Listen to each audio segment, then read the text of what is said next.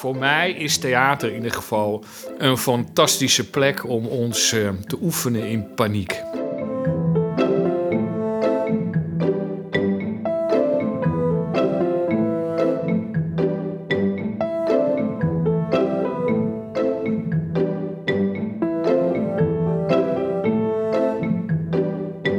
Welkom bij de podcast Theater heeft geen zin, maar ik wel. Ik ben Leonie Koelman. Ik ben theatermaker en bestuurskundige. Ik ben Jascha Dikker, filosoof, jurist en theaterliefhebber. In deze podcast gaan we op zoek naar het antwoord op de vraag: Wat is de waarde van theater voor de maatschappij? Welkom bij deze nieuwe aflevering van de podcast. Bij ons aan tafel zit vandaag Jetse Batelaan. Uh, welkom. Uh, we zijn hier aanwezig in Theater Artemis. Bedankt voor de gastvrijheid. Ja, we zijn hier vanochtend uh, met de auto naartoe gereden. we hadden het gevoel alsof we op roadtrip waren naar Zuid-Frankrijk, want de zon scheen heerlijk. Um, maar goed, we zijn toch maar afgeslagen bij, bij Den Bosch. Um, ja, welkom Jetse, of eigenlijk welkom aan ons, want ja. we zijn hier bij jou. Zou jij jezelf even kort willen voorstellen? Uh, ja, dat, dat wil ik wel. maar jullie hebben al heel veel gezegd. Namelijk, ik ben Jetse Batelaan, inderdaad, dat klopt. En ik uh, werk hier bij Artemis. Ik zit hier nu uh, acht jaar als artistiek leider. En ik regisseer hier van alles. En de, nou, er gebeurt hier van alles. Ja, we beginnen eigenlijk altijd met dezelfde vraag. Namelijk, wat is volgens jou de waarde van theater? Uh, ja, dan uh, ben ik geneigd om die te, misschien iets te vernauwen naar misschien de, uh, ja, wat ik zelf maak, ja. of ik weet het niet. Maar Mag, voor mij zeker. is theater in ieder geval een fantastische plek om ons uh, te oefenen in paniek. Hè? Dus voor mij, ik, ik, ik, ik zie theater als de ideale plek om in de war te zijn. Uh, als de ideale plek om verdwaald te zijn. Dus ook als de ideale plek om in paniek te raken en daar dus ook weer collectief uit te raken. Dus ja, ik zie het als een plek om uh, ons te oefenen in de, nou ja, de chaos die ons sowieso omringt. En dat dat zo'n prachtige gecontroleerde omstandigheid is waarin we dat collectief met elkaar kunnen beleven en kunnen doorstaan en uh, ons daartoe kunnen verhouden. En, uh, want, ja, want wat is daarvan dan de waarde? Want je zegt ons daartoe verhouden of... Uh... Nou ja, ik, ik, ik, ik geloof erin dat dat, dat dat van belang is, omdat we er uh, ook een zeker vertrouwen uit kunnen ontlenen. Hè? Dus het is, ja, het leven is vrij chaotisch. En uh, we proberen dat natuurlijk op allerlei manieren te bezweren. Maar ja, ik, ik denk dat het belangrijk En we hebben ons ook. We hebben de neiging om ons af te schermen van die chaos. En misschien, nou ja, we komen misschien ook nog wel over kinderen. Of om onze kinderen af te schermen van die chaos. En het onbekende en wat we allemaal niet kunnen. Maar ik denk dat het heel belangrijk is. En dus nou, uit allerlei oogpunten, politiek of ik weet, we moeten ons volgens mij juist wel durven verhouden tot die en die chaos onder ogen durven zien. Ja. En ja, voor mij is het theater daarin een hele mooie plek om onze flexibiliteit en ons aanpassingsvermogen en ons incasseringsvermogen op te rekken. En onze, ja, en onze verbeelding natuurlijk, die we daar denk ik ook voor nodig hebben om daar überhaupt mee om te gaan. Ja, want waarom is specifieke theater daar een goede plek dan voor? Nou, omdat het een spel is. Hè? Hm. Dus het is een. Uh, uh, ja, en, en, dus dat is prettig. Het is niet echt. We doen alsof. Uh, dat is geruststellend. Hm. Hè? Dus er is een limiet aan de paniek. Hm. Hè? Dus je kan, je kan, als het echt erg wordt, kan je weglopen. Maar je kan je ook nog wel troosten met de gedachte dat het, uh, ja, dat het loopt een keer af en dan ga je klappen en dan kan je weer terug. Uh, en, je, en je kan ook nog denken, het is, het is allemaal, ja, het, het, is een spelletje, maar ja. wel een intens spel, omdat het heel veel dingen zijn ook weer wel echt. He, dus want ik zeg net, je kan weglopen, maar in feite zit je toch echt wel opgesloten. He, dus we zijn daar allemaal fysiek. We zijn ook min of meer toch gedwongen. Er is niks anders. We moeten, we moeten ons verhouden tot wat daar is. We moeten die tijd door. Dus het is eigenlijk een combinatie van dat er hele dwingende aspecten aan dat theater zitten. Gecombineerd met voldoende geruststellende aspecten, die dat voor mij eh, de ideale Hmm. plek maken. Om, Ja, want als we het over de dwingende aspecten hebben, dan is dat bijvoorbeeld dat er iets voor je gepresenteerd wordt wat je aandacht afdwingt. Maar Ja. ook het feit dat je in een, in een rij met mensen zit, zal maar zeggen, die afdwingt dat je met hun Ja. daarin dat ervaart. Ja. zal ik maar zeggen. Ja, en inderdaad de tijd. Mhm. Dat vind ik toch ook altijd een niet te onderschatten aspect. Hè? De, de- de- de- de- ja, anderhalf uur. Mhm. Bijvoorbeeld. Ja, soms- langer. noemen. Drie uur en een kwartier. Eh, ja, dat, dat is echt wel een... eh, daar is geen ontsnappen aan. Er is geen fast-forward knop. Er is geen eh pauzeknop. Ja, het is... En, en, en dat is natuurlijk weer een mooie parallel met het leven ook. Ja. Dus Ja, dat... want eh, er zit eigenlijk ook een soort wereldbeeld achter van de wereld is chaos. eh, en, en we moeten als mensheid ehm, leren om daar ons flexibel doorheen te bewegen. ja, Als, ik, je- als ik je goed begrijp.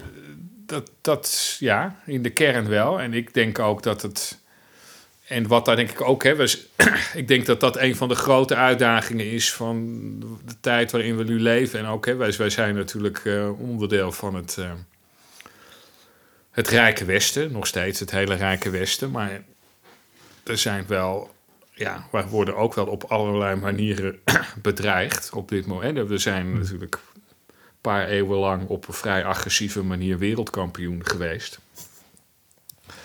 En dat, nou ja, dus via eh, klimaatproblemen. We hebben ons natuurlijk, eh, we zijn aan onze eigen vraatzucht en onder zijn we aan we het gaan. als Westen, Ja. dan als rijke Westen. Ja. En eh, er zijn allerlei zekerheden die ook op de. Hè, dus ik denk dat het, dat het leven. We de in de illusie hebben geleefd. eh 50 jaar geleden of zo. dat het leven minder chaotisch was.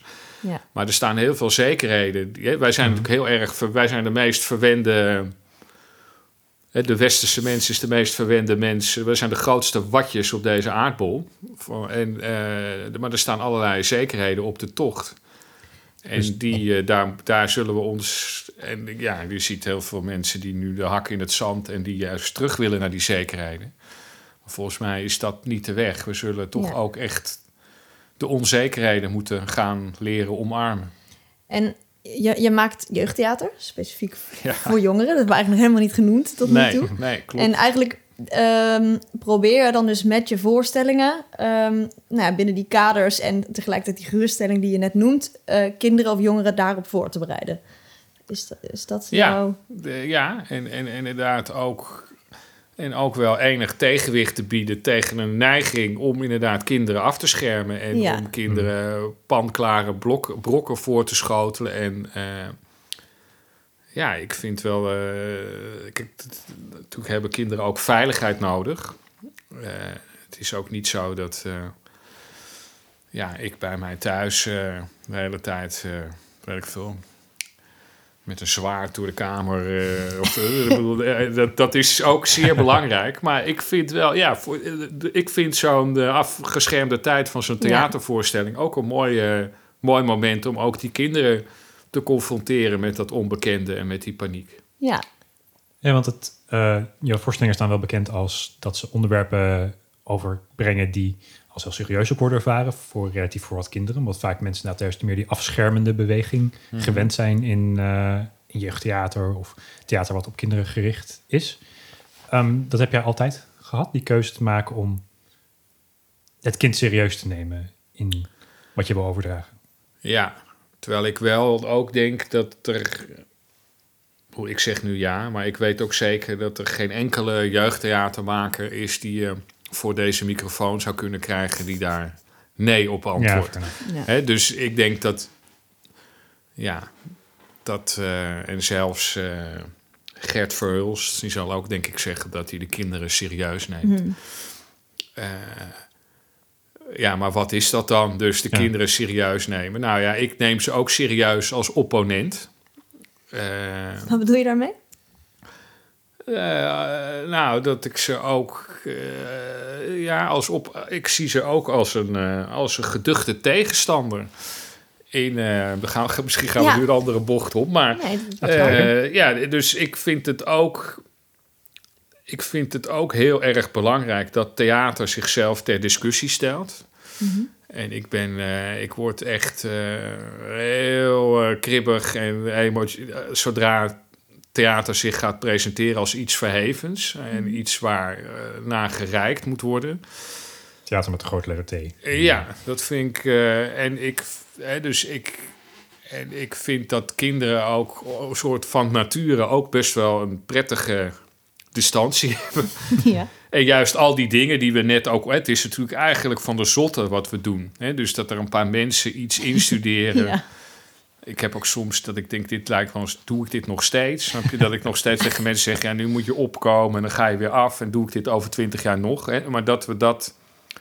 bedoel, Dat is het eigenlijk. We we studeren wat dingen in en er zijn mensen die dat fysiek in een ruimte doen en daar kijken allemaal mensen naar. En dat duurt lang en dat tolereren we. En dat, daar zit al, vind ik, dat vind ik eigenlijk best wel absurd. Ja, dat Eh, gegeven aan zich. Dat het we dat doen als theatermakers. Ja, en, en ja. dat het publiek, Ja. dus het acceptatievermogen van het publiek, vind ik vrij absurd eigenlijk. Ja.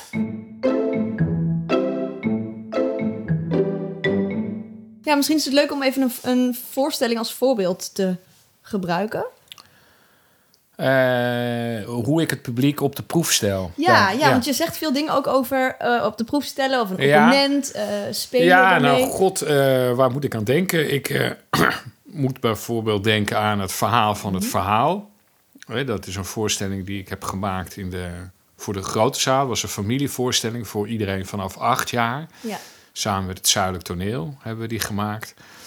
En ehm, ja, dat vind ik wel een goed voorbeeld van een ja, voorstelling waarin sprake was van paniek. Ja.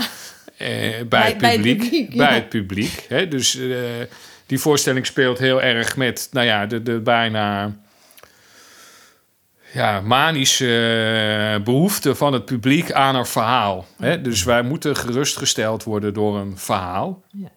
En deze voorstelling die weigert dat eigenlijk, om, om, om die geruststelling te bieden. En ja, dat maakt het ook ongemakkelijk. Hè? Dus, de, die, die, dus ja, met het breken van die regel en, en, en het, eh, dat, dat thematiseren daarvan. Eh, en eh, dus de paniekervaring is daar toch vooral... what the fuck, waar zit ik naar te kijken? En dat was ook echt jouw doel met die voorstelling, dat het publiek dat zou ervaren? nou ja, dat vond ik wel. eh, ja, dat vond ik spannend. Ja, om, om daar een avontuur van te maken. Om, om om de zoektocht naar het verhaal. En ook waarom de vraag überhaupt: waarom zijn we zo. Waarom is dat verhaal zo belangrijk voor ons? En ik heb het idee dat dat te maken heeft met dat we een beetje aan het, ook aan het stoeien zijn met de zinloosheid van ons bestaan. Hè, Dus dat we altijd verhalen gecreëerd hebben Ja. om, om betekenis te geven. En of dat nou religie is of ideologieën. En nu zijn we natuurlijk allemaal heel druk op social media om ons eigen, Eigen verhaal, te creëren. Ja. Nou, maar dit- er moet een verhaal zijn, want anders, snap je, anders, Anders is, er niks. zijn we, is het Ja. niet van belang. En ja, ik ben wel van de school dat ik vrees dat er at the end geen verhaal is. Mhm. En, ehm, nou, en, in die voorstelling is dat denk ik uiteindelijk ook wel de conclusie dat er geen verhaal is. Maar dat, daar probeer ik een hele glorieuze conclusie van te maken. Dus het is ook voor mij het abstracte en het gaat voor mij toch ook heel erg over ons eigen nietige. Dat we er gewoon de afwezigheid van een verhaal, de afwezigheid van betekenis, gaat voor mij ook wel over de afwezigheid van onszelf. En, en dat dat, volgens mij is die wereld ook heel mooi. Gaat dat, gaat dat dus allemaal straks allemaal door? Ja, want ik heb hem gezien eh, in de Schouwburg met Ja. een vriendin samen. Eh, en, en dat, ja, ik vond dat wel heel mooi. Dat je ook... ehm, dus er waren acteurs op het podium die maar een beetje gingen aanklooien met dingen die daar lagen. Ja, En dat je, dat je daar op een bepaalde manier ook heel veel herkenning ook in voelt. Dus het, het gevoel van, ja, we zitten hier nou toch maar met z'n allen. ja, Ja, we gaan maar een beetje aanklooien Ja. of zo. we moeten iets. We moeten iets. En dan kwam Ja. er ineens een heel groot billboard van Beyoncé en van Trump langs. Ja, En als, ja, zo voelt het eigenlijk in het echte leven ook. Zo van, ja, je ziet dan even en een keer toevallig nieuws... en dan komt er Trump langs. En daarna ga je weer een beetje aanklooien of zo. Dat gevoel had ik wel ja. heel sterk. Ik ben wel benieuwd of, of er een verschil zit in hoe, hoe volwassen publiek zo'n voorstelling dan interpreteert of beleeft. En hoe een jong publiek dat beleeft. Nou ja, ongetwijfeld. Hè, dus sowieso, ik denk dat iedere toeschouwer dat anders beleeft. Ehm, ja, ik zeg wel ongetwijfeld. Dus ik, wat ongetwijfeld is, is dat iedere toeschouwer het anders Ja. beleeft. Maar ik vraag me af of het. Ik, ik heb wel voorstellingen gemaakt waar dat echt heel scherp. Dat verschil tussen volwassenen en kinderen heel duidelijk was. Ik moet dan bijvoorbeeld denken aan de voorstelling Oorlog. Maar in dit geval eh, denk ik dat we die, die behoefte aan een verhaal, dat dat, dat, dat ook wel universeel is. Ja, dat is waar. En, en eh, als je het over jongere kinderen hebt, dus kijk, acht is een beetje een soort breekpuntleeftijd. Dus als ze jonger zijn, dan kan je zo associatief, associatief zijn als je maar wil. Ja. Er komt op een gegeven moment ook een behoorlijke conservatieve periode aan in de, in de kindertijd, waarin juist er hele vast omlijnde ideeën zijn over wat, wat, we, ja, wat bijvoorbeeld ook theater zou moeten zijn. En wat, ja. wat, wat wel theater is en wat niet. Hè, Je- dat, dat, hebt eh, een bepaalde periode in je kind vaak goed zeggen... nee papa, het zit zo. ook dat, ja, ja, maar inderdaad ook, eh, ja, dan wil je gewoon. eh, dat gaat ook over dat je natuurlijk heel trots bent dat je net weet hoe het is. En dan wil je gewoon ook even dat de dingen Ja. zo zijn zoals jij net geleerd hebt dat ze Ah, ja. zijn. Hè? Dus dat, dat is ook eh, even geen eh gesodemieter aan mijn hoofd. Ehm, ik weet het niet. Dus of, in de, of dit nou echt. eh Tuurlijk, je neemt een andere bagage mee. Maar ja, die, die, Zet je daar En- als maker anders op in? Eh, bij deze voorstelling heb jij daarin nagedacht van... ik wil dat een volwassen publiek dit meeneemt... maar ehm, bij een jonger publiek wil ik dit? Of heb je het gewoon meer gezien als... Ik, er is een publiek en dit is de boodschap. En ik kies dan vanaf acht, omdat dat als breekpunt ziet. Nou, nee, ik ben wel. Eigenlijk is het zo dat ik toch eigenlijk heel specifiek. toch die dat dus. als het dus vanaf acht is, dat ik toch nadenk over. Nou ja, stel dat die zaal helemaal vol zit met acht, negen en tienjarigen. Dat is eigenlijk mijn kompas. En, en zo ben ik aan het denken van wat zou ik dan opwindend vinden wat er gebeurt tussen die ten opzichte van die groep. Ja. En eh, het is natuurlijk zo dat er best wel veel ook volwassenen zonder kinderen naar onze voorstellingen komen. En, maar dat zie ik als een soort eh, ja, bijeffect eigenlijk. Hè? Dus wij zijn, zijn vaak, maak ik het met volwassenen.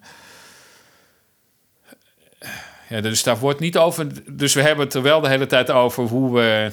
Ja, dus we verhouden ons tot die, tot die, tot die leeftijdsgroep waar we het specifiek voor maken. En al die andere leeftijden die daar dan op volgen, dat is een soort. Ja, dat, daar vertrouw ik wel op. Dat Mhm. dat. Tenzij, nou ja, inderdaad, ik haalde net oorlog aan, daar was dat misschien wat meer aan de hand, dat we wel op twee lagen. En dat had heel specifiek met dat onderwerp te maken, dat je dus met kinderen, dat was een voorstelling voor 6 plus. Die voorstelling heette Oorlog. En ik wilde ook echt iets doen met het fenomeen oorlog, maar dat kan je. Ja, de volle zwaarte van dat onderwerp kan je niet bij een kind van zes neerleggen. Hmm. Maar wij eh, volwassenen dragen die zwaarte wel met ons mee. En, en, en daarin, waar het voor die kinderen misschien een heel leuk en opwindend spel was, eh, ja, was het voor een volwassen publiek ook wel regelmatig even slikken, omdat wij het verbinden met een wereld buiten die voorstelling. Eh, dus daar heb ik het denk ik het meest bewust eh, op twee borden geschaakt. Maar verder, ja, dan richt ik me toch heel erg op die specifieke leeftijdsgroep waar we het dan voor aan het maken zijn. En, en check je dan ook op een bepaalde manier of jouw idee of intentie daarmee is, is aangekomen of zo? Dus, dus In de zin van dat ik daarna met ze ga praten. ja, of je iets Eh, terug hoort. Ja, je hoort natuurlijk bij kinderen ook tijdens een voorstelling al reacties. Ja. Dat is het leuke aan kinderen. Dus- maar Dat is wel mijn voornaamste kompas hoor. Dat ik gewoon Ja. de energie in die Ja. zaal voel. Hè, dus je krijgt ook. We hebben wel regelmatig wat wrijving met het onderwijs. Die dan bijvoorbeeld zeggen ze snappen het niet. oh ja, En dat is dan. eh, en dat snappen in hun perceptie gaat dan over dat kinderen talig moeten. Mm. Vaak snappen die leerkrachten het ze- Zelf ook. Het gaat Ja. in ieder geval over een perceptie van snappen. Die gaat over talig kunnen reproduceren wat Ja. er gebeurd is. Vaak kunnen die leerkrachten dat zelf niet. Je bent ook op zoek naar een verhaal. Die, Ja, precies. die, Naar en, die, en en de taal, leerlingen ja. ook niet. En Ja. voor mij is snappen op het moment dat je in staat bent om je nou, gedurende de hele, te- hele voorstelling te verhouden tot wat er op dat toneel gebeurt. En dat mag ook verwarring zijn. En daar speel je natuurlijk ook heel erg mee. Als je naar jouw voorstellingen kijkt, is. eh, dus ik heb een aantal registraties gezien waar ook de kinderen ook echt mogen reageren, bijvoorbeeld. Mhm. En waar, ja, waar, die, waar de reactie met wat er zich op het podium eh, afspeelt heel belangrijk is, waar het onderdeel is ook. Ja. En daar zit dan eigenlijk ook snappen in dat je, dat je Ja, dat vind ik ook snappen. reageert. Ja, dat je, er gewoon, ja, dat je er gewoon bent en dat je. eh, ja, voor mij is dat dus een soort energetische connectie, is voor mij snappen. Ja. Ja. Maar dat is wel een mooie tegenhanger, omdat het e- inderdaad heel erg gaat om talig onder woorden kunnen brengen dat je iets Mhm. snapt of begrijpt. Ja, dat, dat, dat de gangbare interpretatie Ja. is van snappen. Ja, nou Ja. ja, dus, ik, eh, ja, dus misschien is snappen ook niet het goede woord, maar dat wordt natuurlijk wel vaak in de strijd geworpen. Maar ja, ik, ik, ik, ik, ik ga voor connectie en dat mag dus, hoeft ook niet eens een positieve connectie te zijn. Hè? Dus er mag ook verzet tegen die voorstelling, is voor mij ook connectie. In je telefoon zitten of alleen maar met je buurman praten en gewoon het helemaal loslaten wat er gebeurt, dat vind ik, dat is, geen, dan, Dat dat is de nederlaag. Ja. En wat is dan, wat, misschien nu met het risico om het ook in taal proberen dood te slaan, maar wat is daarvan dan de waarde? Dat je een connectie of een energetisch snappen opzoekt. Eh, Nou, omdat je. eh, omdat we dan even ergens anders zijn. En omdat we, tenminste, dat we ons in ieder geval dus verbinden met iets wat, wat, wat we nog niet eerder zijn tegengekomen. En waarom is dat belangrijk? Nou, dan, ja, dat grijpt weer een beetje terug hoe we aan het gesprek begonnen ook. Hè? Dus dat, ja, dat ik denk dat dat een hele belangrijke kwaliteit is die we moeten oefenen. En de, waarin we. Hè, dus dat kan je heel plat bekijken van hè, de, mensen van buiten die naar ons land komen en die ook ons, eh, het land veranderen. En waar je kan denken, nou, die moeten allemaal, eh, die moeten allemaal buiten blijven. Volgens mij gaan we dat, is dat sowieso een heilloze weg. Dus, eh, eh, eh, dus eh, dat is de meest letterlijke interpretatie van dat. eh, En is eigenlijk het oefenen met leven eigenlijk, en met ja, samenleven het en leven, verbinden ja, met en anderen. oefenen van eh, omgaan met het onbekende. En, en, en, en dus eigenlijk daar om die schrikreactie misschien uiteindelijk wel te temperen. Ja, Omdat je gewoon eh, het uiteindelijk dus ook eh, leuk is. Of dat ook. En ook dus het ongemak, daar, dat vind ik ook eigenlijk heel belangrijk. Dat dus ongemak ook echt een serieus te nemen emotie is. En voor mij ook zelfs een hele creatieve emotie. En ook verzet en antipathie. Dat is voor Ja. mij eigenlijk, ook als ik denk naar mijn eigen creativiteit in het theater, die is eigenlijk wel voor een groot deel voortgekomen uit ja, groot ongemak bij het het theater wat ik zag en wat ik daar ervaarde. En ik, dat ik dat allemaal heel ongemakkelijk. Ik had allerlei dingen die ik. Ja, dat, Waar werd jij dan bijvoorbeeld ongemakkelijk van? Nou, van hele basale dingen. Eh, dus ik, de tijd werd ik wel ongemakkelijk van. Ik werd heel ongemakkelijk van conflict. Dus drama. Mhm. Daar had ik echt zeer grote problemen mee.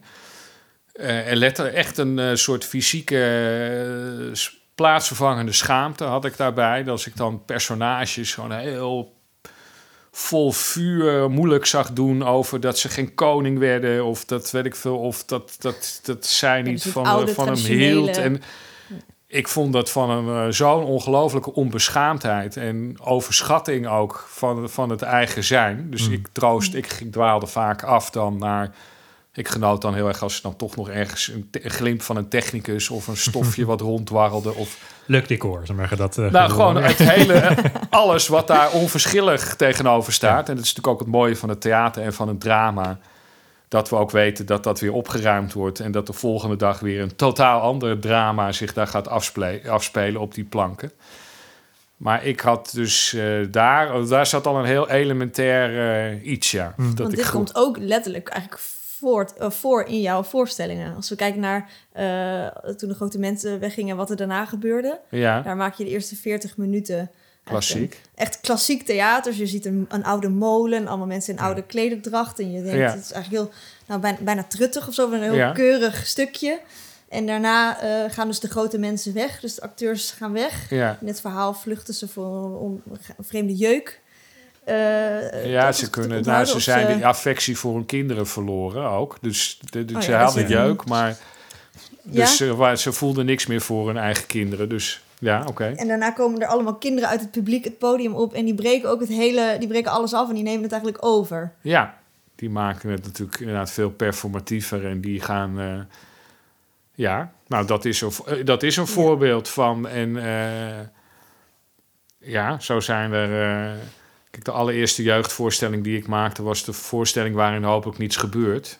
En die speelde met het dreigement van saai. Dat was een voorstelling voor 8 plus.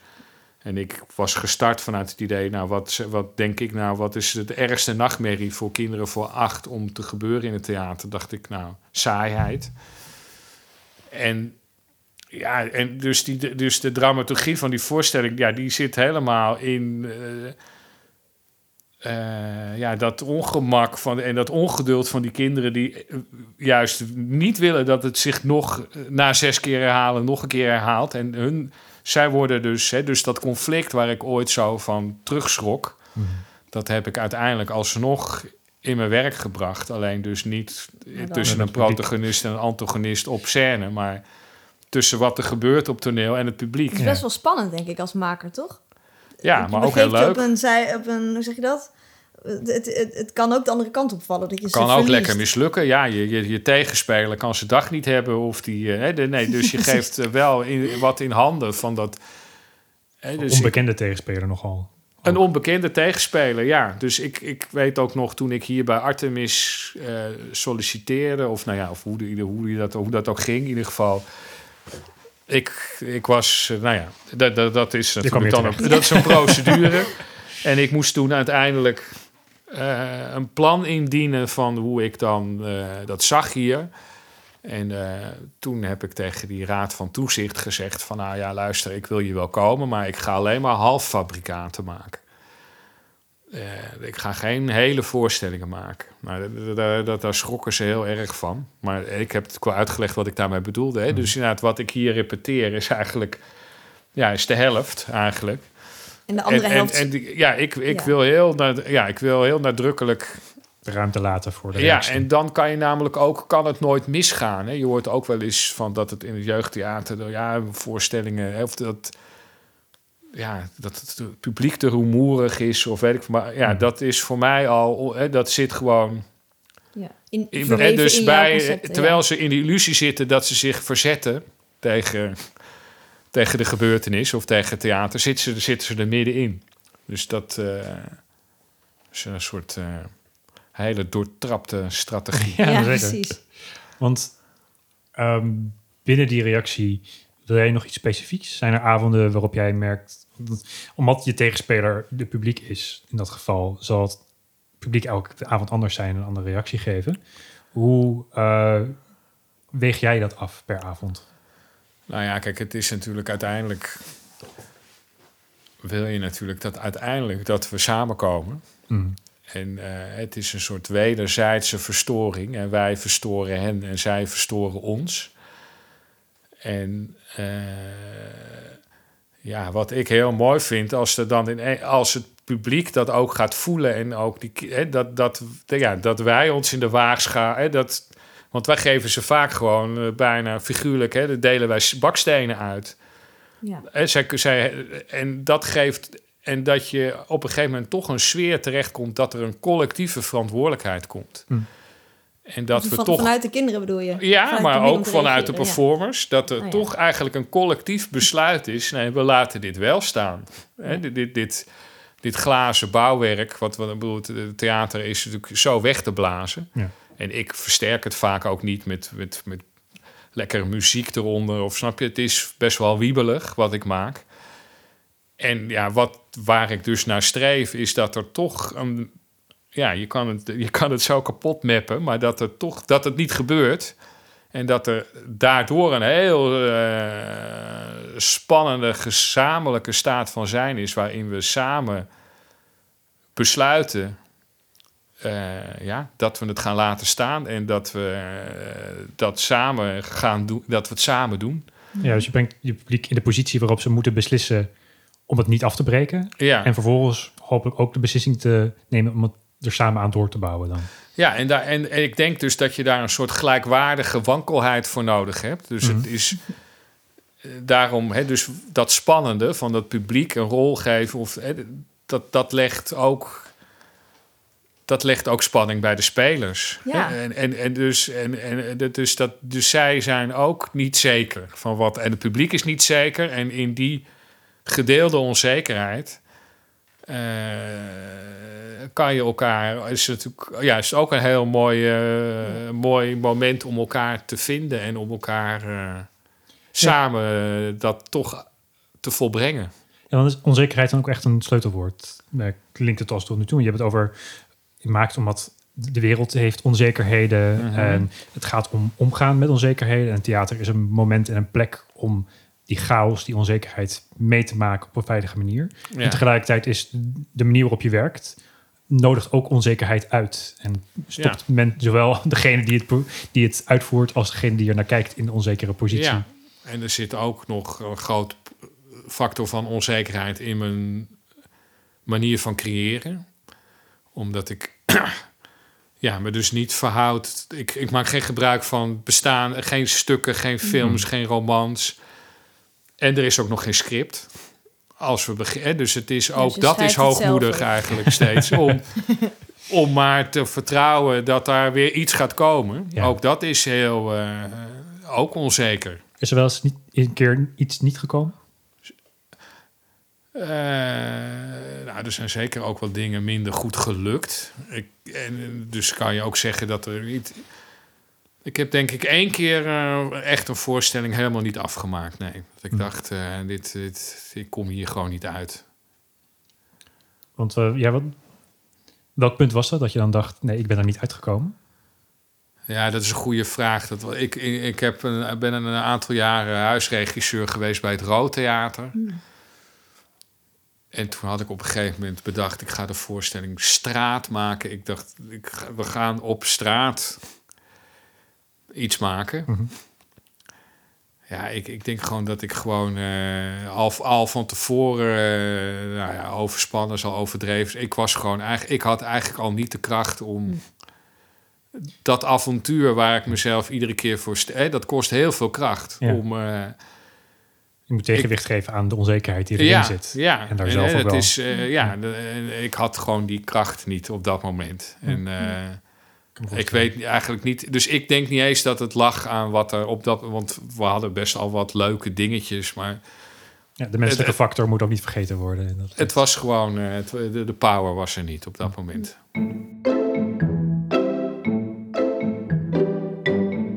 Je bent ook nu artistiek leider van een, van een gezelschap. Ja, En, nou, is hier een groot gebouw met mensen die in dienst zijn. En er zijn eh, ehm, eh, voorstellingen worden ruim van tevoren aangekondigd. Het is eigenlijk best ook een, een mal of een systeem waar je in zit, denk ik. Of, of, of ervaar je dat niet zo? nee.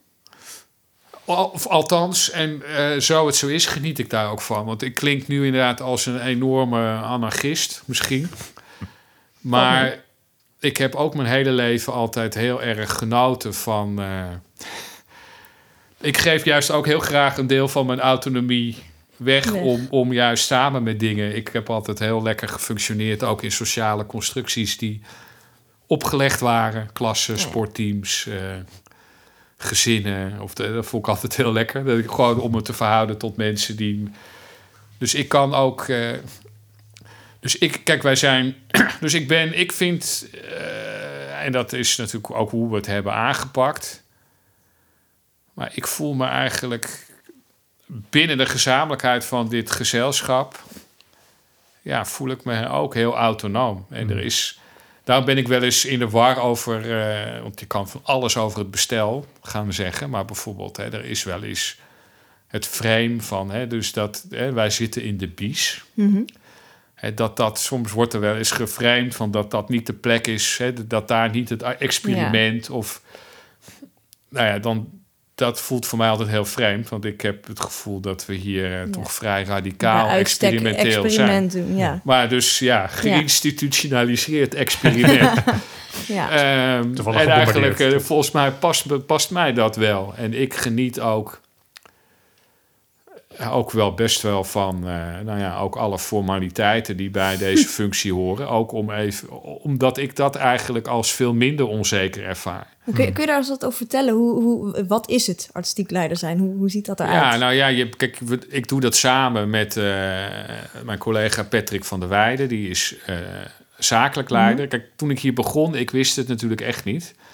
En ik kwam er eigenlijk vrij snel achter dat ik dacht... oh ja, dit, het lijkt toch ook wel heel erg op regisseren Ja. eigenlijk. Ja. Hè, dus het is, je regi normaal, een regisseur regisseert een voorstelling. Is Een artistiek leider ja. regisseert ook een beetje. Ja. En dan samen met iemand anders eh, regisseert een gezelschap. Dus je bent ook toch bezig om ja, te kijken wat, wat, wat gebeurt er met die mensen. Mensen in hun kracht zetten. eh, Ja. Maar je moet ook richting geven en een idee hebben. En ehm, dat betreft liggen bepaalde vormen van managen en regisseren wel in elkaars ver, ligt er verlengde. natuurlijk wel een beetje. Ja, Ja. Kijk, en je moet inderdaad de arrogantie hebben om te denken dat het van belang is wat, Wat je te zeggen. wat jij vindt en wat je zegt. Ehm, Blijkbaar vinden mensen dat, want wij hebben ook gekozen om naar jou te gaan luisteren vandaag. je kijk, Ja. nou, de, de, de, truc, de truc werkt. Als je het maar genoeg eh, pretendeert, dan eh, trapt iedereen er wel in. Maar ja, dus. Eh, ja, en het, en het gaat dus toch ook natuurlijk over gezamenlijkheid vinden met elkaar. En kijk, en dit gezelschap bestond al. Al best lang. Ja. En ik was de vierde artistiek leider die hier kwam. En het was een heel bewogen moment in de geschiedenis van het gezelschap toen ik hier kwam. Omdat mijn voorgang, voorganger Floor Huigen door, ja, door ziekte eigenlijk onvrijwillig ja, die, dit- ja. het niet kon volbrengen. Eh, dus dat was ook heel verdrietig. En eh, dat was al even. Dus er was een soort tussenperiode ook geweest... waarin er even niemand was geweest. En toen kwam ik hier. Maar het, het was ook voor mijn tijd een heel hecht gezelschap... die zich ook op een hele eendrachtige manier ook... eh, samen waren met wat Floor maakte. Mm. En eh, ja, ik ging wel dus echt hele andere dingen maken. Ik zie ook wel degelijk parallellen in mentaliteit of in... Maar ik ging toch ook echt wel hele andere dingen maken. Nou, dan, ja, dan, daar moest ik ook natuurlijk dat gezelschap in, mee, of, Ja. eh, in meenemen van wat dat dan was. Wat ik, wat ik voor ogen had. En ik was daar natuurlijk ook nog zoekende in. Ja, hoe, hoe heb je dat gedaan? Want ik hoor je veel het woord samen noemen en dat zij al hecht waren. En je benadrukt nu ook steeds. Ja, dat, dat samen. ervaar ik als een geluk. Er Heel veel mensen werken hier al heel lang, bijvoorbeeld. En die, die, die, dus die zijn zelfs nog ver voor Floor. eh. Hmm. Er is zelfs hier iemand, Dorry, die werkt hier. Nou, we, we bestonden bijna. Ja, we, we we bestel, bestonden vorig jaar 30 jaar. En zij, nou, en zij heeft ook al haar 30-jarig jubileum Oh, achter de rug. Ehm, even kijken. Jij vroeg Ja, hoe- eh, hoe- hoe, eh, hoe, dat. Hoe neem je ze mee in, in eigenlijk een andere... Dus je treft een gezelschap aan waar, waar iemand onvrijwillig eh, stopt Ja. eigenlijk. En, en jij zegt, nou, ik wil het wel echt op mijn manier doen. Dat is een andere manier. Hoe krijg je zo'n team dan mee in die richting? Ja, nou, ik weet niet of ik dat dus heb gedaan of dat zij dat hebben gedaan. Dus zij hebben denk ik ook gewoon zich vooral opengesteld voor hè, dat er iets anders zou komen. En, eh, en dat was ik. dat was ik. En ja, ik heb geprobeerd om. Ik ben natuurlijk. Ik kan niks anders maken dan hoe ik het Ja. zelf doe. Dus ik kan. eh, en als je daar transparant over bent. En eh, ja, en, en, ik, en ik heb iedereen daarbij nodig. Dus, Ja, dus dus is ook da- weer- zo raakt ook Ja. iedereen betrokken. Ja, want het straalt voor mij, als ik denk aan Artemis, ook, ook heel veel eenheid uit. Dus ook de huisstijl is heel, is heel duidelijk. En elk jaar als je dan weer een nieuwe voorstelling doet, ook zelfs de titels lijken in eenzelfde soort stijl. Mhm. En ik kan me voorstellen dat, zeker als je een team achter je hebt waar het, waar het echt als samen als één team voelt, dat dat, dat, dat een hele prettige kaderstelling is eigenlijk een heel prettige richting is. Maar ik kan me ook voorstellen, maar ja, misschien is dat voor jou niet, dat je als regisseur, ja, eh, wil je misschien ook een, een soort autonomie die daarmee eh, eh, contrasteert. Of, of ja, ervaar jij dat dus Nou, niet zo? nee, nou ja, ik... Ik mag echt niet klagen over inderdaad het gebrek aan autonomie binnen hier. Ja. Hè? Dus ik, Ja. ik en, hè, dus want die eenheid en die, ja, daar, daar ben, daar, eh, ja, daar heb ik natuurlijk flink ook richting aan gegeven. ja, en, maar ik. het leuke is wel, ik vind het ook grappig dat je over die huisstijl en zo, want dat doen wij ook allemaal zelf. Ja, Dus tof. wij hebben geen eh, grafisch bureau. Er is ooit, er, eh, Undog heeft ooit ons logo gemaakt. ja. Maar wij op een gegeven moment zijn we, dus, dus de huismeester die maakt de foto's. Oh, echt? Oh, wat leuk. Degene die de verkoop doet, die doet het grafisch. eh, die, die, die, die, die, en en eh, nou, ik ben ook elkaar. betrokken met die concepten en ik ga ook wel mee met die shoots. En, Een soort collectief daarin. ja, wij, wij eh, produceren al die middelen zelf, ja. Dus dat geeft ook, eh, dat is ook altijd heel leuk om te doen. En dat maakt het ook. Ik vind dat ook, als je het hebt over een soort gezelschapsgevoel, vind ik dat ook vaak hoogtepunten. Ja, dat kan om die beelden te maken Ja. en om erover te brainstormen. En omdat dan, eh productie is er natuurlijk bij betrokken. En dan staan we weer ergens, eh, ja, ik weet niet wat, eh, te fotograferen. Eh, dus dat is, ja.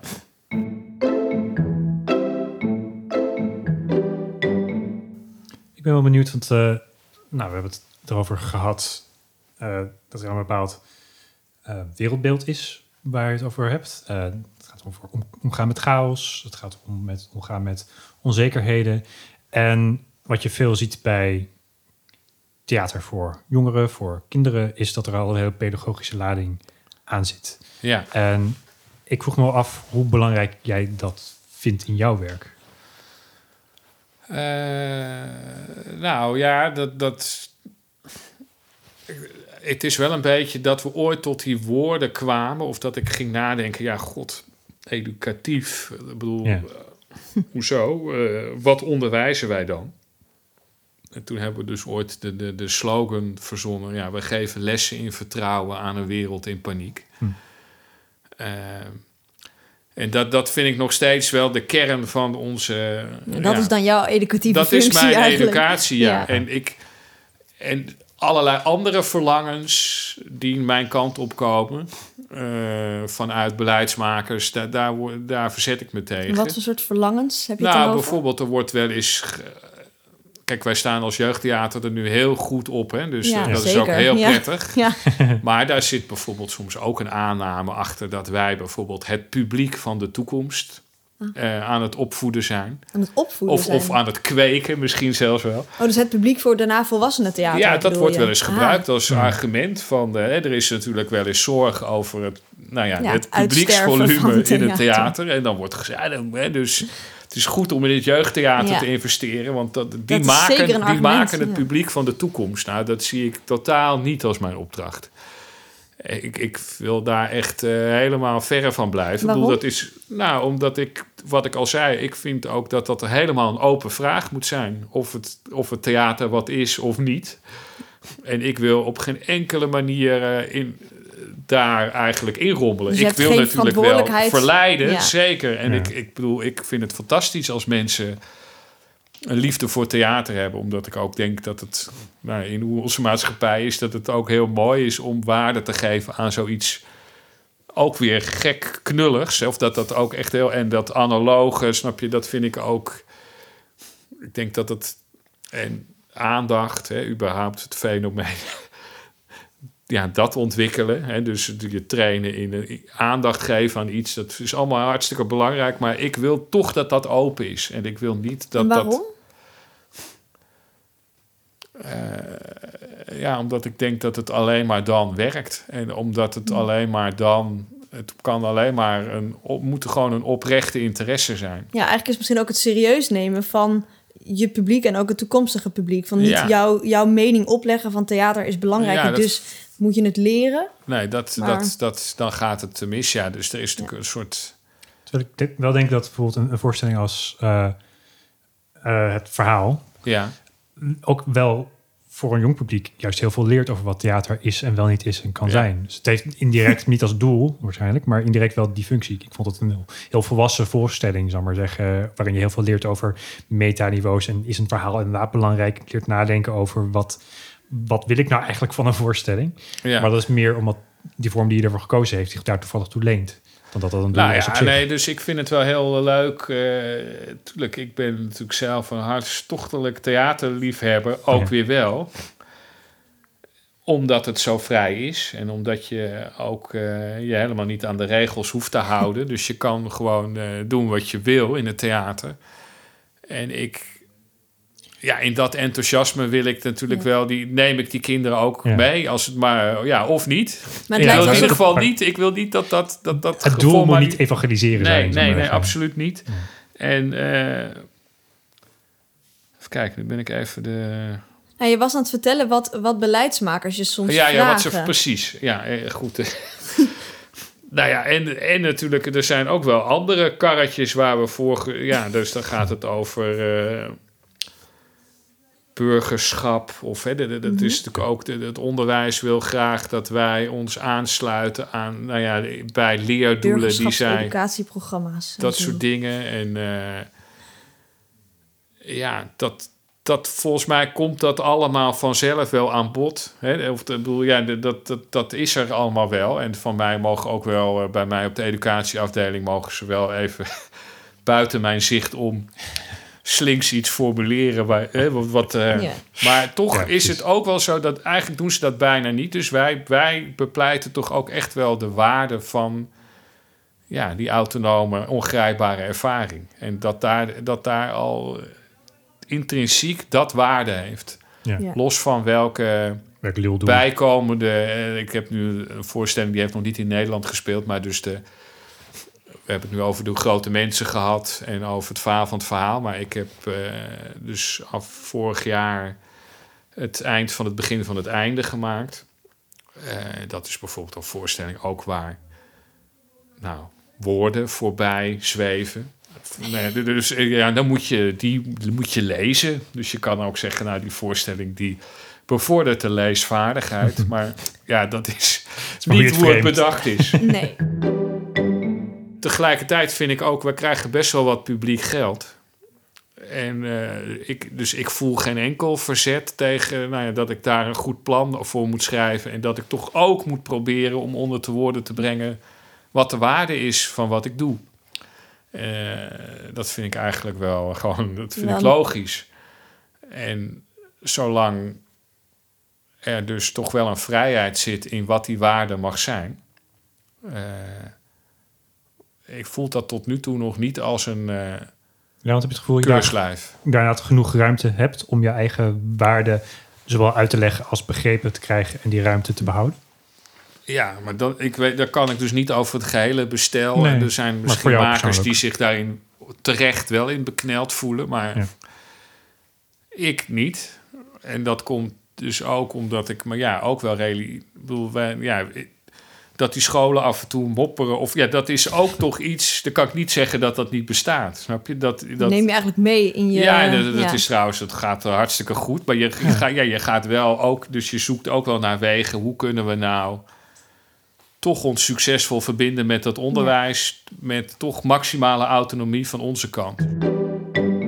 Onze provincie is heel groot. Er zijn allerlei scholen en dorpen en waar helemaal überhaupt geen theater in de buurt is. En hoe ga je dan? En die willen dan graag leuk dat we iets een leuke workshop in de klas of en dat dat voelde dan voor mij te. En daar is het concept uit ontstaan dat dat heet de driedaagse. En dan heb ik makende performers gevraagd om een performance te maken die drie etmalen duurt. En die zich afspeelt op een basisschool. En ja, daar ben ik zo. eh, daar zijn dus eh, Willemijn Zevenhuis heeft er een gemaakt, Elias de Bruyne, Dennis Tieke en Rob Smorenberg. En dat hebben ze samen. Ze hadden ook, ze mochten ook, ze hebben ook een vormgever meegenomen. Dus ze hebben dat in. ja, ik, en dat wat daar gebeurt op die scholen, dat is voor mij zo de kern van wat. Ja, dat vind ik gewoon. daar ga ik al. Eh, ja, daar word ik zo emotioneel van eigenlijk als ik En wat dat is dat dan? Beschrijf Nou, dat eens. het dus doodeng is. Hè, want, eh, het zijn al dus allerlei verschillende performances. Maar bijvoorbeeld Willemijn, die speelt een niet ontdekte diersoort. Dus die komt als een soort groene... Ja, die ziet ook helemaal niet dat, het een, dat er een mens überhaupt in zit. En die, nou ja, die, die komt... En dat is echt, dat is echt. Want dat is gewoon, dat is er namelijk in de kleine pauze, in de grote pauze. Die is er na school. Oh, die, dat is echt dood en doodeng. En dat ontwikkelt zich, want de volgende dag is ze er weer. En Oh ja. bijvoorbeeld, de, zij eet, het dier eet geel. Dus alle. En er zijn kinderen geweest, want dit vooral natuurlijk voor de Sinterklaas gelovenden. hè, Dus zo vanaf, de, Ah, ja, vanaf ja, ja. groep eh, de kleuters tot en met groep 4. Vooral daar is het. Want er zijn kinderen die hebben in paniek ook in hun, op hun kamer thuis alle gele dingen verwijderd. Allemaal uit angst Wauw. dat dat Fantastisch. maar aan het eind van die week, snap je, op dag twee begint al de toenadering. Ja. En zie je toch kinderen heel voorzichtig er naartoe komen. En, en voorzichtig dat dier misschien toch aanraken. En aan het eind is er echt, dus op dag drie is het afscheid gewoon meer dan hartstochtelijk. Nou, Oh, voor mij is dat gewoon in de notendop wat voor mij Artemis is.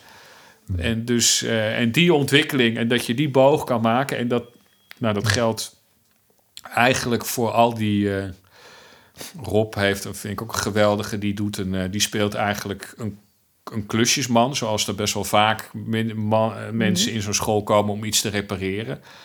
Alleen hij doet drie dagen over die klus. Want hij doet drie dagen lang zit hij in een echt een extreme slow motion.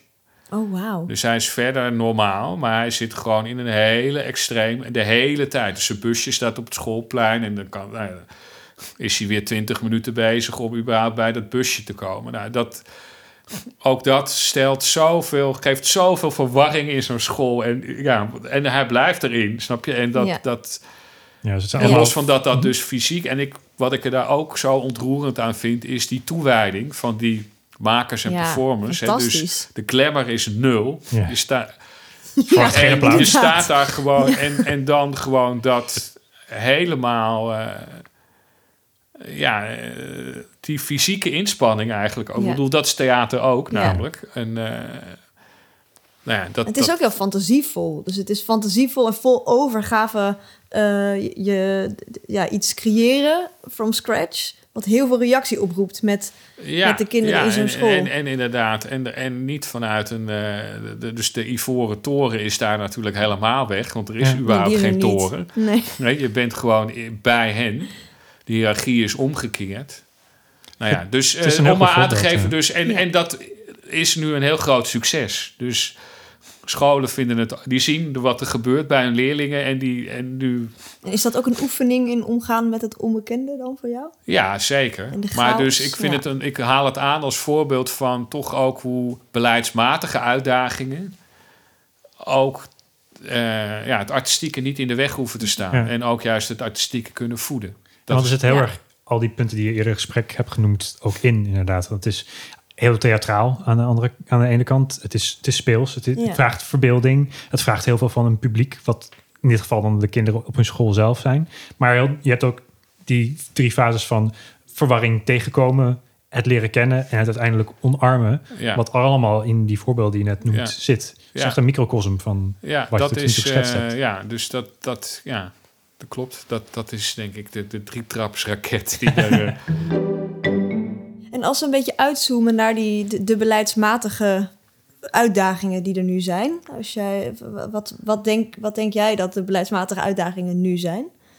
Theatervlak? Eh, dat is een goede vraag. Nou, kijk. Er is natuurlijk een beweging ingezet al heel lang geleden. Ik weet het nog precies wanneer. Hè, die, de, de, wat- die al een beetje voor, een soort aan het voor inmarseren was richting dus die bies waar we nu in en eigenlijk toch richting een stelsel waarin we dus toch meer centraliseren en eh, grotere instellingen en daar veel continuïteit en Ehm, ja, daar ben ik wel heel sceptisch over, over die beweging. En, eh, omdat ik denk dat de, de kracht van het Nederlands theater, ook als je er historisch naar kijkt, of in ieder geval hè, van na actie tomaat, Mhm. hè, zit natuurlijk toch heel erg in het wendbare, kleinschalige, onafhankelijke theater. Daar, daar zijn, als je, ik werk ook veel in Duitsland, die zijn altijd stik jaloers op. Oh ja. En eh, ja, ik vrees, hè, en, en daarin eh, vind ik dat hem dus een beetje tegengesteld. Dat we nu zo, eh, ja, toch erg ook wij, hè, dus ik heb soms het gevoel Duitsland wil Nederland worden en Nederland wil wil Duitsland Duitsland worden. ja. Ja, dus je En- bent eigenlijk onderdeel nu van die BIS, maar je zegt het, het is ook... Ja, het is heel is luxe eigenlijk- en fijn, die bis. En, eh, maar Maar als ecosysteem is dat niet de beweging die je het zou ook willen wel maken. weer... eh, nee, moet je daar ook mee oppassen. Ja, Ja. Ik, en ik... En ik eh, ja, ik heb dat ook wel deels ervaren als ook een soort powerplay vanuit de grote eh, jongens. Eh, Grote theatrale jongens. de grote theatrale jongens, ja. En inderdaad, ik maak nu zelf onderdeel uit van dat... eh, Van de grote jongens. van de, de, alhoewel de piece inmiddels weer zo groot is dat je weer... eh, Daar ook heel veel diversiteit Ja, in plaatsvindt. dus dat is een uitdaging. Of dat, nou ja, daar ben ik benieuwd hoe dat. Hè, We hebben natuurlijk ook wat, wat. In ieder geval zeer stroeve eh, fusies gehad. En, en is dat dan. eh, ja, wat. wat- Ja. Dat kan je nu. Misschien is dat toch over tien jaar blijkt dat een geniale zet. Dat weet ik niet. Maar eh, dat, die zie ik nu nog niet. In ieder geval, Nee, die dus- geniale dus je, zet. Hè? Je, je, bevraagt, je vraagt je af wat het nut is van het, het fuseren en het groter worden. En de- Ja, of dat, nou ja, en Centraliseren, dat gaat dus ook wel over mijn ervaring hier bijvoorbeeld. Wat gewoon de waarde is van... En zoals nu die coronatijd, dat is natuurlijk echt... dat is een soort grootste APK-keuring voor je organisatie... die je maar kan voorstellen. Hè, want Ja. dat, dat is gewoon heel pittig. Dat Ja. je allemaal hier niet bent. En Ja. ja. dan ben ik echt heel trots hoe, dat dan, eh, hoe wij daar nu met elkaar voor staan. En dat heeft volgens mij ook wel te maken met dat er nog een soort menselijke maat is qua schaal. Gewoon dat je elkaar nog kent. En dat we nog met elkaar in een zoomscherm passen. passen. zonder dat we tot een eh, vierkante centimeter gereduceerd zijn. Eh, ja, en eh, een grotere organisatie vraagt gewoon om formelere sturing. En eh, ik vraag me af of dus het theaterbedrijf gebaat is bij dat soort sturing. Wat zou je ook dan eh, willen pleiten voor meer kleinere theaters? Of daar meer middelen voor midgroot kleinere theaters om hun... Heb je het dan over theaters of over Gezelschappen. gezelschappen? Ik denk dat gezelschappen beter wordt. Dus Ja. want theaters is vast goed. Gezelschappen eh, die produceren. Ja, nou ja, ja daar, daar pleit ik wel een beetje voor. Terwijl, ja, ja ik. eh, en tegelijkertijd is natuurlijk ook dat hele, hè, dat, dat gevaar van overaanbod is er natuurlijk ook. Hè? Mhm. Dus het is natuurlijk ooit ook gedacht, ja, het publiek, het arme publiek, hoe kunnen die nou? Er, er zijn een paar connoisseurs die nog alle honderd theatergroepen uit elkaar kunnen houden. Ja. Hè, is het voor het publiek niet fijn om gewoon te denken... ITA, Theater Rotterdam, bam. Gewoon... eh, eh, dat is een ingewikkelde, want dat, dat snap ik namelijk wel. Die verwarring van dat publiek kan ik me heel goed voorstellen. Van hoe, en dat merk ik nu ook, hè, dus dat wij nu acht jaar bezig zijn... hoeveel dat scheelt dat het publiek nu ook begint te snappen Ja, wat Artemis wat Artemis is. is, en, en, Ja. en wat voor verbinding dat geeft en dat dat fijn is. Ja. Ik vind dat zelf als toeschouwer ook fijn om Ja. te denken: oh, ik, ik heb het gevoel dat ik weet wat dat is en daardoor ben ik ook nieuwsgierig wat er weer nieuw. eh, dus Mhm. ja, dat is en dat en dat heb je natuurlijk in Duitsland heb je natuurlijk die omdat het zo regionaal georganiseerd heb je dat helemaal. Ja. Daar heb je helemaal geen honderd groepen, daar heb je gewoon één huis. En, en daar identificeer je ook mee met dat huis. Ja, een soort voetbalclub waar je... Ja, Ja, en daar komt wel eens een nieuwe trainer. En er zijn eh, verschillende spelers. Spelers, maar in de kern, eh, ja.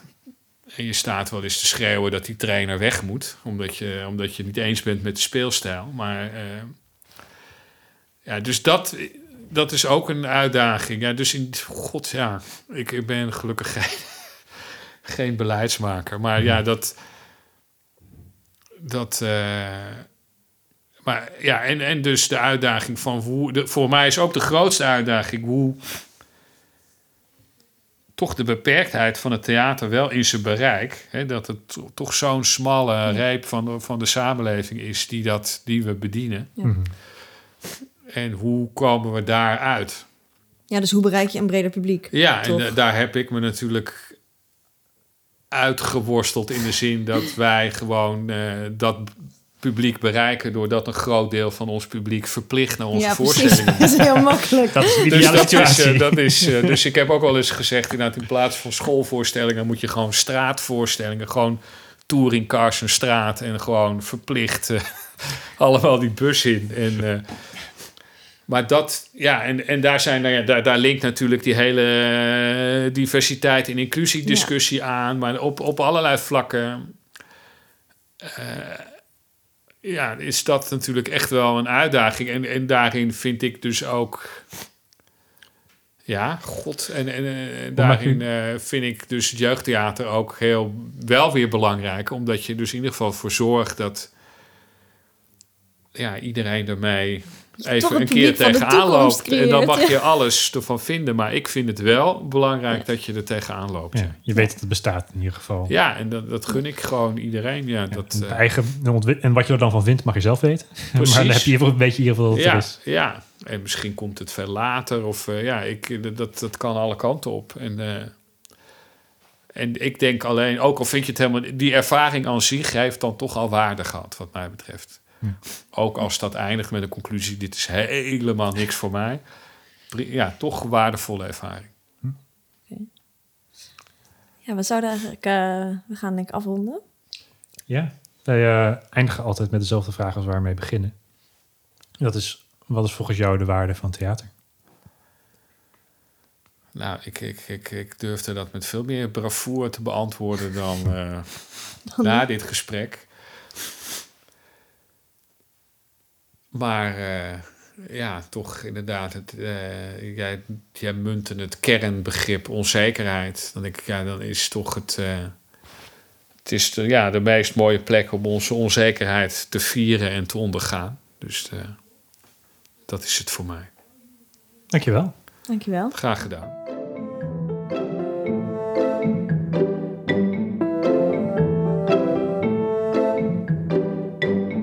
Nou, dat was Jetsen. Ja, leuk gesprek. Het, is, eh, het kwam echt op zo'n op een gegeven moment, merkte ik. Ik moest in het begin even, was het even aftasten van... eh, wat voor gesprek wordt dit? Waar gaan we het nou precies allemaal over hebben? Maar hij heeft echt wel een duidelijke... nou, hij heeft natuurlijk een heel duidelijke visie op zijn eigen makerschap.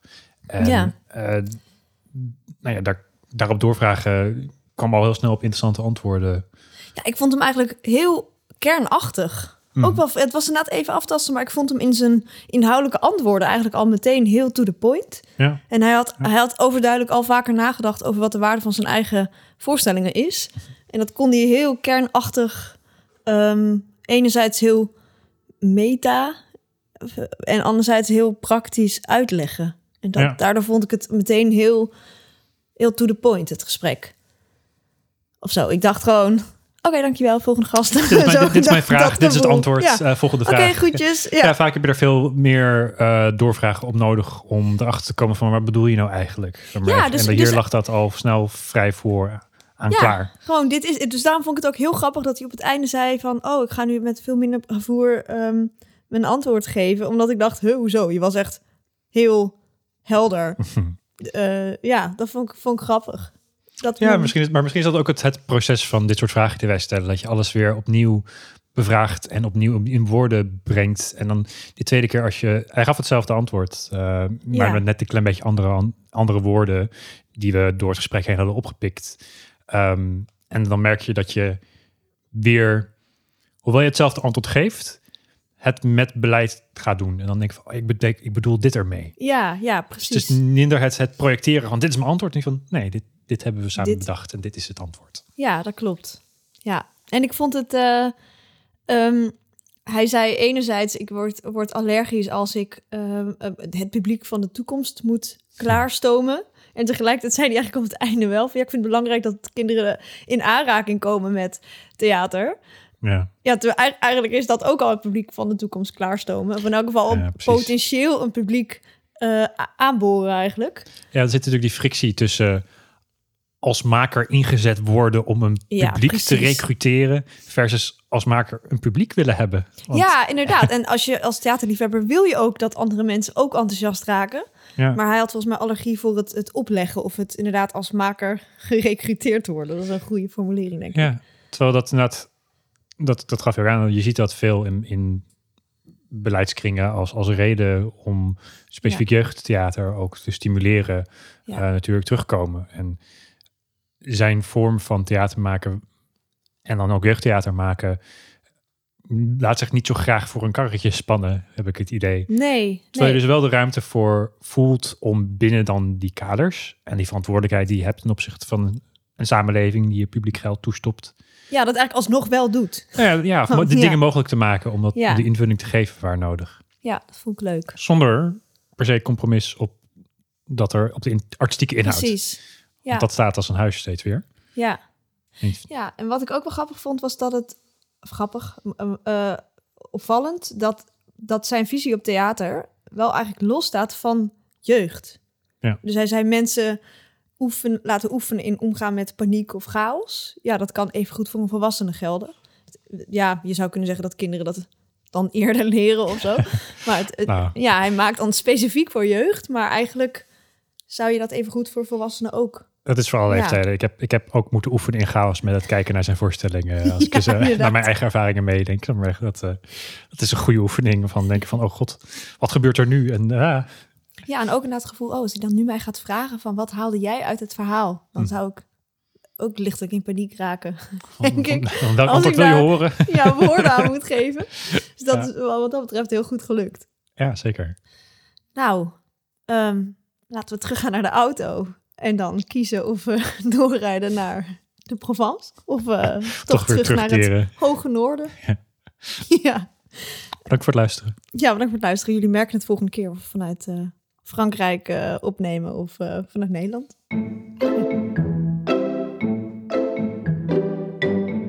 Dat was hem weer. Als je ons verder wil volgen op onze zoektocht, abonneer je dan op deze podcast. We vinden het leuk als je een recensie achterlaat en je kunt ons ook volgen op social media. Bedankt voor het luisteren en hopelijk tot de volgende aflevering.